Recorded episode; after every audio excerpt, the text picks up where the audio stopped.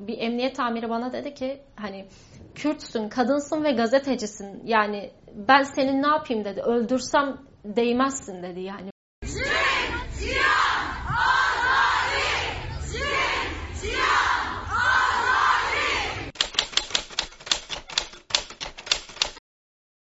E, Nalin Öztekin ben. 27 yaşındayım. Marmara Üniversitesi Gazetecilik Bölümü 2013 yılında buraya geldim. E, ilk geldiğim andan itibaren de çalışmaya başladım. Jınha'da çalışmaya başladım. 9-8 e, haber ajansında çalışmaya başladım bir süre. E, Artı TV'de çalıştım ve işte bu süreç böyle devam etti benim açımdan.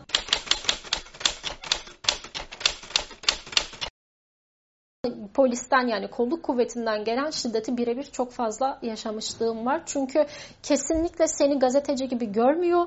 Elindeki makineyi de sanki silahmış gibi algılıyor ve sana da öyle yaklaşıyor. Polis çok rahat sana sahada çalışırken şiddet uygulayabilir, elindeki ekipmana el koyabilir.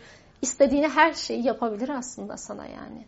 Bir yerde bir haberde mikrofon uzatıyorum konuşan kişiye e, oradaki güvenlik şube polisi e, beni doğrudan böyle memelerimden itiyor. Yani hani böyle hanımefendi geri çekilir misiniz de diyebilir. Hani onu bile demesine gerek yok ama doğrudan dokunduğunu hissediyorsunuz. Yani hani e, eliyle böyle memene dokunuyor senin ve bunda hiçbir behis görmüyor orada zaten. Bu onun için çok normal bir şey.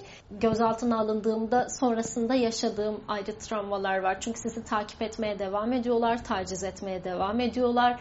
Ve bütün bunları yaparken o işi bırakmanız için tamamen oradan uzaklaşmanız üzerine bunu yürütüyorlar. Bir gün gözaltındayken bana şey dediler hani e, babasını da getirin dediler. Ben başta anlamadım.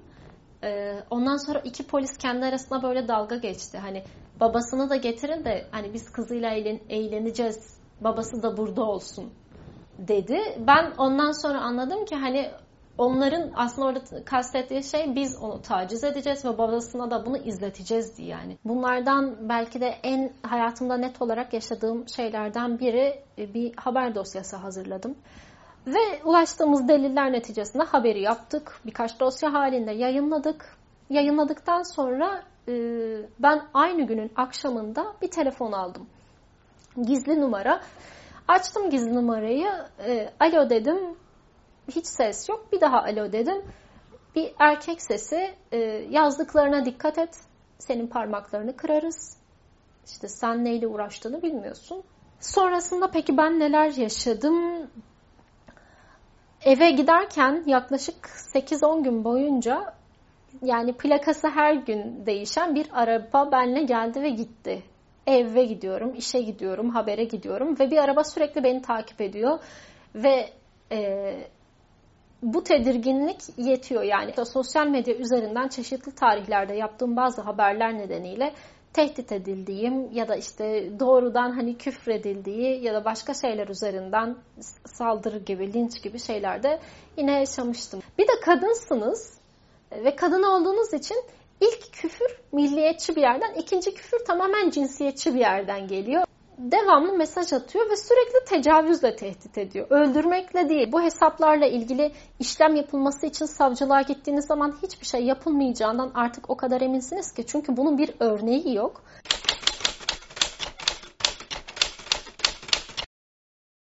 Medyada kadınsan ve Kürtsan Türkiye'de 1-0 değil 2-0 yenik başlıyorsun. Yaklaşık 3 e, ay kadar bir e, erkek meslektaşımla, benden yaşça büyük bir erkek meslektaşımla aynı programı sundum. Ve her program çıkışında stüdyodan dışarıya ya bu adam beni taciz ediyor diye bağırarak çıktım ve her seferinde tartışarak çıktım. Bunları yaşadım ve bunları yaşadıktan sonra tabii ki çalıştığım yerdeki üst düzey insanlara bunları aktardım. Ve bu bir gün, iki gün değil, üç ay böyle sürdü. Ve bu insanlar benimle dalga geçtiler sen bir kadın olarak zaten olduğun yerde çok zor kendini var ediyorsun. Yani kendini orada bir kere kanıtlaman gerekiyor. Erkeklerin öyle bir derdi yok. Sırf e, sen kadınsın ve senin daha çok işi sekteye uğratacağını düşünüyorlar bir erkeğe göre. Çoğu zaman mesela çok ciddi regl sancılarım olsa da bunu hiç kimseye söylemeden çalışmaya devam ettim. Benim için en basiti ücret eşitsizliğini her zaman hissediyorsun. Benden çok daha az iş yapan Ama işte erkek olduğu için, Türk olduğu için ve yaşı belki benden 5 yaş daha büyük olduğu için çok daha yüksek ücretlere çalışan, çok daha stabil mesai saatleri olan arkadaşlarım vardı ve birlikte çalıştık. Medyada özellikle alternatif medyada benim bulunduğum geçtiğim yerlerde tabii mesela bir kadın dayanışması olmazsa oradaki erkek egemen algı size istediği her şeyi yaptırabilir veya istemediğiniz her şeyi de yaptırabilir. Televizyon muhabirliğine başladığımda 3 gün sonra falan bir e, program koordinatörümüz vardı ve beni çağırıp şey dedi. Seni biraz fazla hassas ve duygusal görüyorum. Biz bir ay seni deneyelim. Bir ay sonra bakarız dedi. İlk stüdyo programına mesela çıkacağım zaman yapama, yapamayacağım söylenmiş. Bu yönde bir karar verilmiş. Ee, ve çıkmamam yönünde de bir hani fikir birliği oluşmuş yayın kurulu üyelerinde. Ama orada o yayın kurulunun sadece tek kadın üyesi beni savunduğu için ve hayır Nalin yapar biz ona mutlaka şans vermeliyiz dediği için o kadın üyenin şerhiyle yayın kurulundan çıkan karar değişti ve ben ilk stüdyo programını öyle yapmaya başladım. Ondan sonra zaten ana haberde sundum, gece haberi de sundum, programda yaptım, sahada da çalıştım, özel içerikte ürettim, gün ortası bülteni de sundum. Yani yapılabilecek her şeyi yaptığımı onlar gördü. Ama ben bunu yapana kadar çok büyük bir mücadele verdim.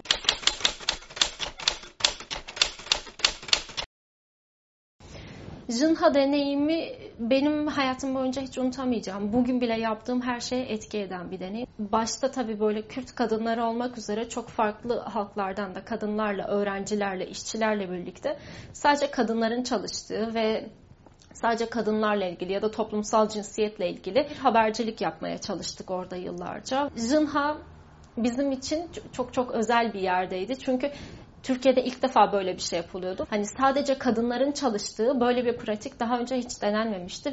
Ama hiç mesela kadınlık kişisel olarak kadınlığımızdan da çok uzaklaşmadık. Ama Jinha'nın bir de bence şöyle özel bir yanı vardı Türkiye'de ve Kürt basınında. Ee, hepimiz ortalama feodal ailelerden gelmiş insanlardık ve önce ailelerimize karşı mücadele ettik. O feodal yapıdan kurtulmak, istediğimiz işi yapabilmek için. Önce kendimiz olmaya çalıştık. İşte hayatta istediğimiz şeyleri yapmaya çalıştık. Ondan sonra içinde bulunduğumuz o eril medya düzenine karşı onlardan sıyrılıp kendi medya düzenimizi çekirdek olarak yaratmak istedik.